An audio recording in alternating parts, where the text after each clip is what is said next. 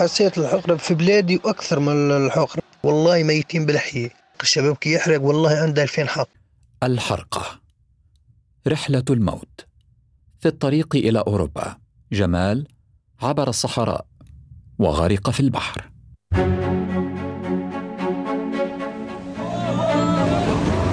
اللي قاعد في حاملتي طاح.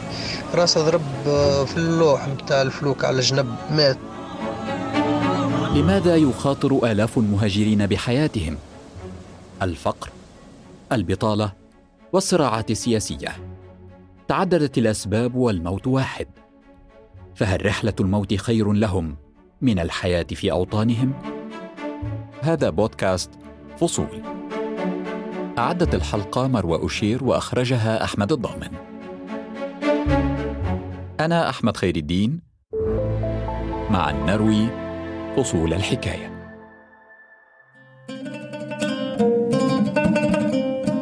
في محافظة المهدية على الساحل الشرقي التونسي نشأ جمال يتيم الأم. ترك المدرسة مبكرا. هو الآن شاب في السادسة والثلاثين من العمر.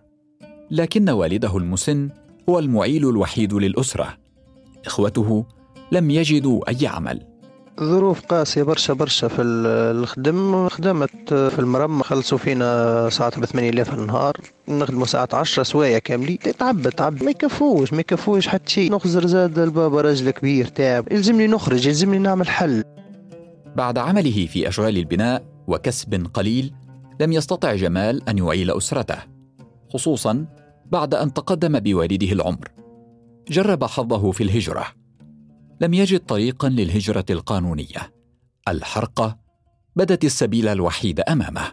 في تونس بصراحة ما تنجمش باش آه، تخدم فيها ولا مش تكون أنا مش تعمل أسرة ولا مش تعمل دار ولا. في تونس استغلال استغلال استغلال. في عهد بن علي سما فما تو زادت أكثر. الفاقة والحاجة أو الحجرة كما يسميها التونسيون أقنعتا جمال أن الحياة في تونس غير مجدية. نوصل ونخدم ونبعث فلوس نعطيهم فلوس نعمل لهم حوايج اللي ما نجمتش نوصل باش نعملها في بلادي نعملها لهم في بلاد الناس. إنسان محقور إنسان في بلاده ومحقور. هذه بلاد الحقرة ودموعنا فيها سهل وعيشة فيها مرة. ما كذبوش اللي قالوا قاتلونا بالهدرة ما شفنا فيها والو. قاتلونا بالهدرة ما شفنا فيها والو. بلادي مافيا كبيرة. بلاد الخنقة خنار. شيخة سطلة بيرة. الحرقة ستكون عن طريق ليبيا. انطلاقا من مدينة بنجردان على الجنوب الشرقي لتونس.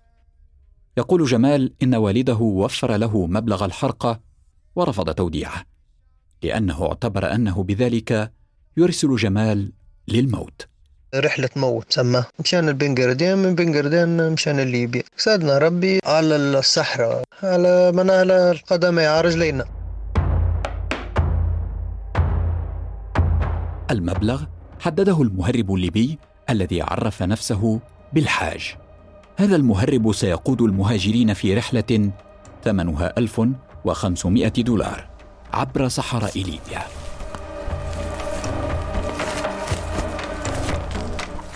قطعوا الصحراء التي تربط تونس بليبيا مشيا على الأقدام. وعبروا سباخا وهي بحيرات ملحية في وسط الصحراء حتى سالت الدماء من أرجلهم.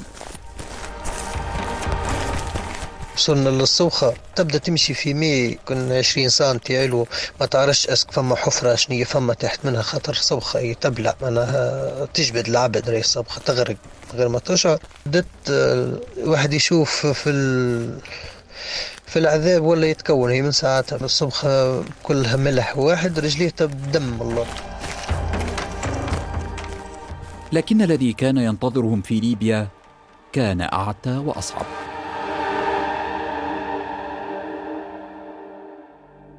الرحلة إلى ليبيا كانت طريقا في اتجاه واحد فقط أي لاجئ يطلب العودة واسترجاع ما دفعه يقتله المهربون في لحظتها. مأساة في ليبيا عملنا خمسة أيام كل نهار مصبط فما واحد من المكنين مات. هو حب على فلوس وحب يرجع لتونس قتلوه آه، واحد من الناس نحكي على روحي الإشباع ضرب كي يجيبوا لنا حاجة مما ناكلوا ويطيشوها لنا كالحيوانات. تتكلم كذلك ديما يرجع المصبط راهو مصبط معناه ضرب ضرب. ما عندكش الحق تتكلم. عدانا في ليبيا خمسة أيام شر السبان. والديه تثبت من اليابة ألف مرة في مرة في مرة. الضرب عذبون يمكن الحبس ما يعملوش فيه محل هيك. خمسة أيام من الرعب عاشها جمال ورفاقه في زنزانة. يصلهم الطعام رميا في قفصهم ويقتاتون عليه دعما لأجسامهم المتعبة. التي أرهقها المهربون ضربا وتعنيفا. إلى أن جاء اليوم الموعود. الحرقة. رحلة الموت. بودكاست فصول. مهمتي هي أنني نخليهم يتقبلوا الموت. يعرفوا أن الموت ماشي نهاية. وموراها بشي جوج أسابيع جات عندي قالت لي دابا قولي لي شحال باقي لي. قلت لها علميا جوج ثلاثة ديال الأسابيع. في مشفى شرق المغرب وسط منطقة قاحلة طبيبة وحيدة تخفف عن المرضى آلام أيامهم الأخيرة. كنت لأول مرة في حياتي كنحضر العزاء شخص حي وسط قصص الموت تواجه الاكتئاب. كانت نقطة الانهيار بالنسبة لي. هناك انهرت لأنني تذكرت أبي. تم تشخيصي باكتئاب حاد مزمن. توفيت مريضتي منذ حوالي شهرين. ولكنني لم أقوى على ترك طفليها.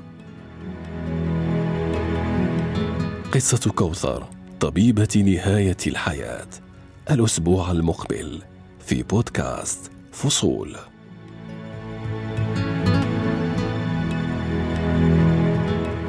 بودكاست فصول. نروي معا فصول الحكاية. الحرقة. رحلة الموت.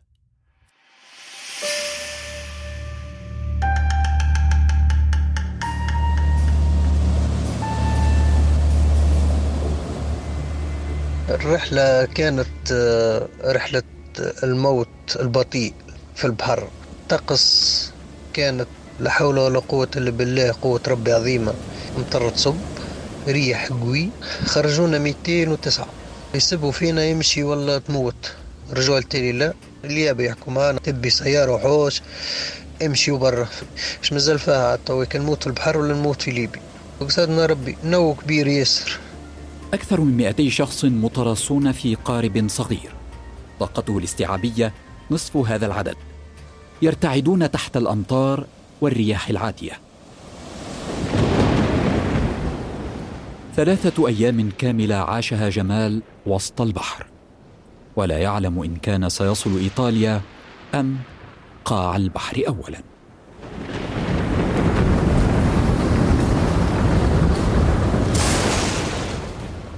عباد تتعايط عباد تقرا في القرآن.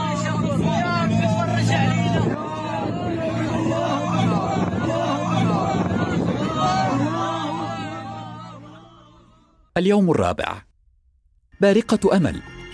القارب يدنو من جزيرة لامبيدوزا. سفينة أمام القارب ترفع العلم الإيطالي. لم تمتد يد لإنقاذ اللاجئين. لامبيدوزا مقفلة في وجوهكم. اذهبوا بقاربكم إلى جزيرة صقلية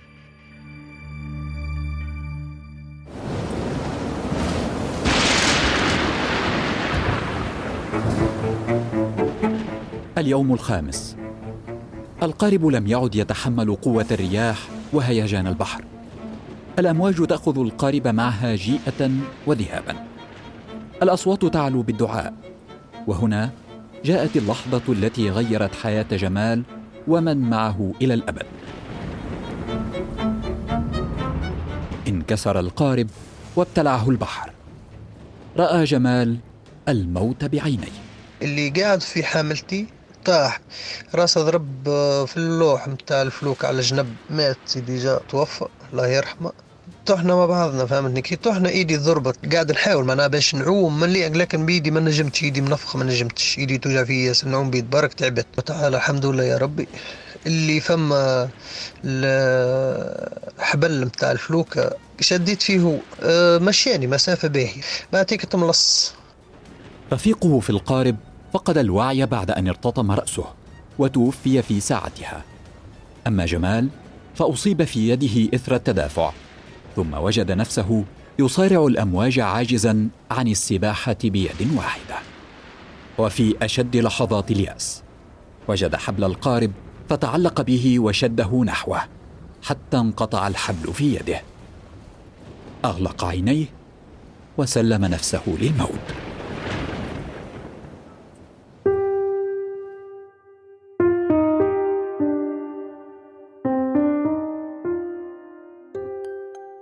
فتح جمال عينيه ووجد نفسه على الشاطئ. لم يصدق أنه على قيد الحياة. شاب مصري من اللاجئين جره إلى اليابسة وأنقذه من الغرق. هذا الشاب المصري مجهول الهوية عاد إلى البحر وأنقذ من استطاع إلى أن خارت قواه فغرق. هو اللي انقذني. واحد بعد عذاب خمسة أيام وبريسكو لا لا من سادس يوم جا خرجني ورجع رجع اللي ينقذ في العباد. أه كبش فيه واحد أه غرقه معه الله يرحمه توفى. على شاطئ صقليه جثث متناثرة. وآخرون يستغيثون بأجسادهم المنهكة ويستنشقون بصعوبة بعض الهواء. من بينهم جمال الذي عاش ذلك المشهد بعد أن اجتاز رحلة الموت. قعدنا مطيشين كيك على الشط برشا عباد موتى أول واحد في جنبي نلقاه ميت. برشا برشا ماتوا. ما نجمش نمشي على رجليا. كركروني تكركير على أساس باش نبعد. باش ما يشدناش الحاكم. ربي سبحانه بعث لنا بعث لنا شكون؟ تونسي. هزنا الدار ودوشنا وقعدنا. باش ما أنا قعدنا نرتاح بعطيك يجي نسيبي هزني بهذاه أكثر من 35 شخصا ماتوا خلال الرحلة. جمال كان من بين الناجين لكن المخاطر التي تعرض لها ظلت عالقة في ذاكرته وزادت من شعوره بالنقمة على أوضاع بلده.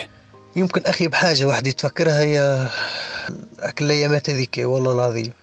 بالعكس كي نتفكرها نزيد ننقم على تونس. والله اللي يحب يحب واللي يكره يكره بالعكس نحب تونس. وبلادي باهي لكن عبادها عباد اللي يحكموا فيها مش باهيين.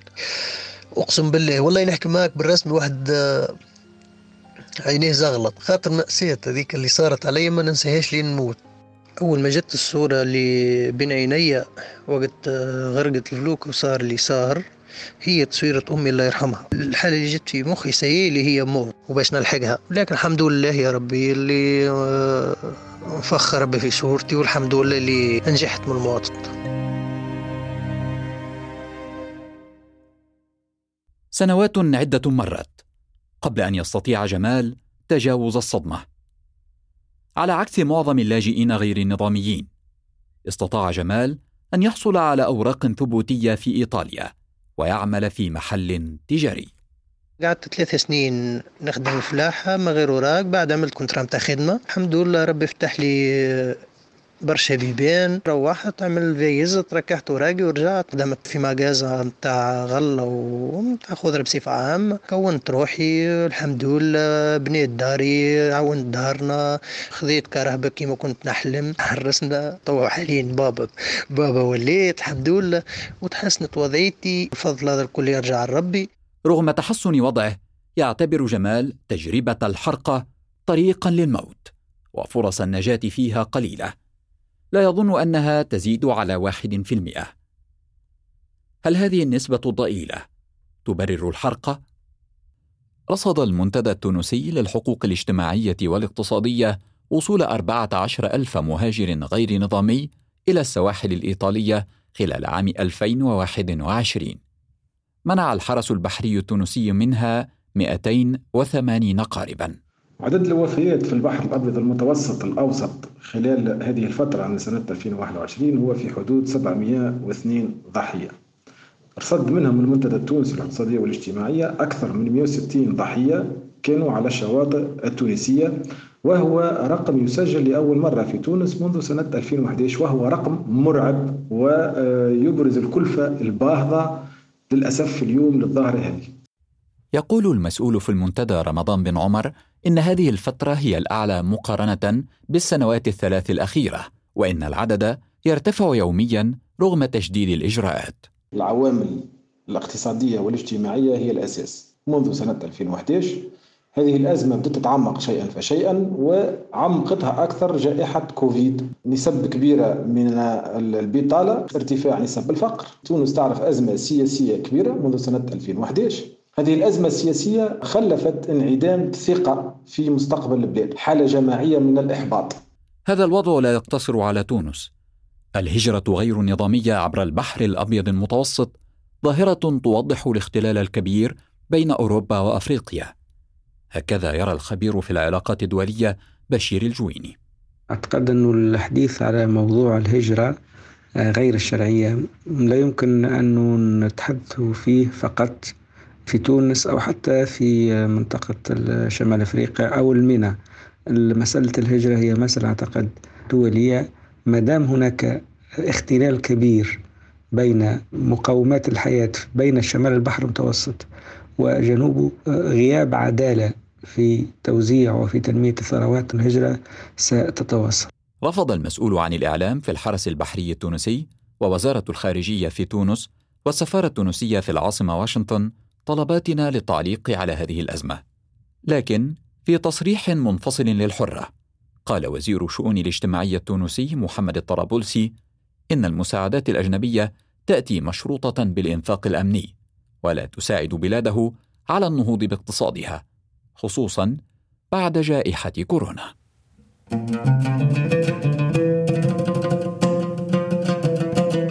الحرق ما هيش سهلة راهو طريق الموت راهو إنسان يحط واحد بالمية باش ينجح باش يعيش وتسعة وتسعين بالمية باش يموت. واللي يحب يخدم يخدم على روحه ويلقى حل باش يجي أمور قانونية. لكن بالنسبة للحرق بصراحة ما, ما ننصح بها حد لأن خاطر نهايتها راهي صعبة شوية. قديش من عباد ماتت وطريق الموت هذيك العذاب والموت. جمال يرى أن الحرقة طريق للموت والعذاب. وليست حلا جيدا للحجرة. رأي جمال يتناقض مع كثيرين. يظنون أن مجرد السفر إلى أوروبا طريق للجنة. فينتهي بهم المطاف غرقا أو قتلى على يد المهربين أو لاجئين محتجزين في أوروبا. ويبقى السؤال البحر أم الوطن؟ جمال اختار البحر والبحر موت. فهل يكون الوطن حياة؟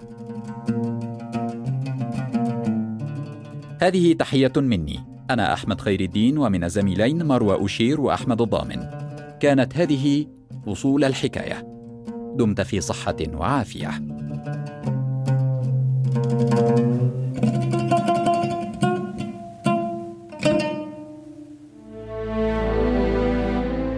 بودكاست فصول.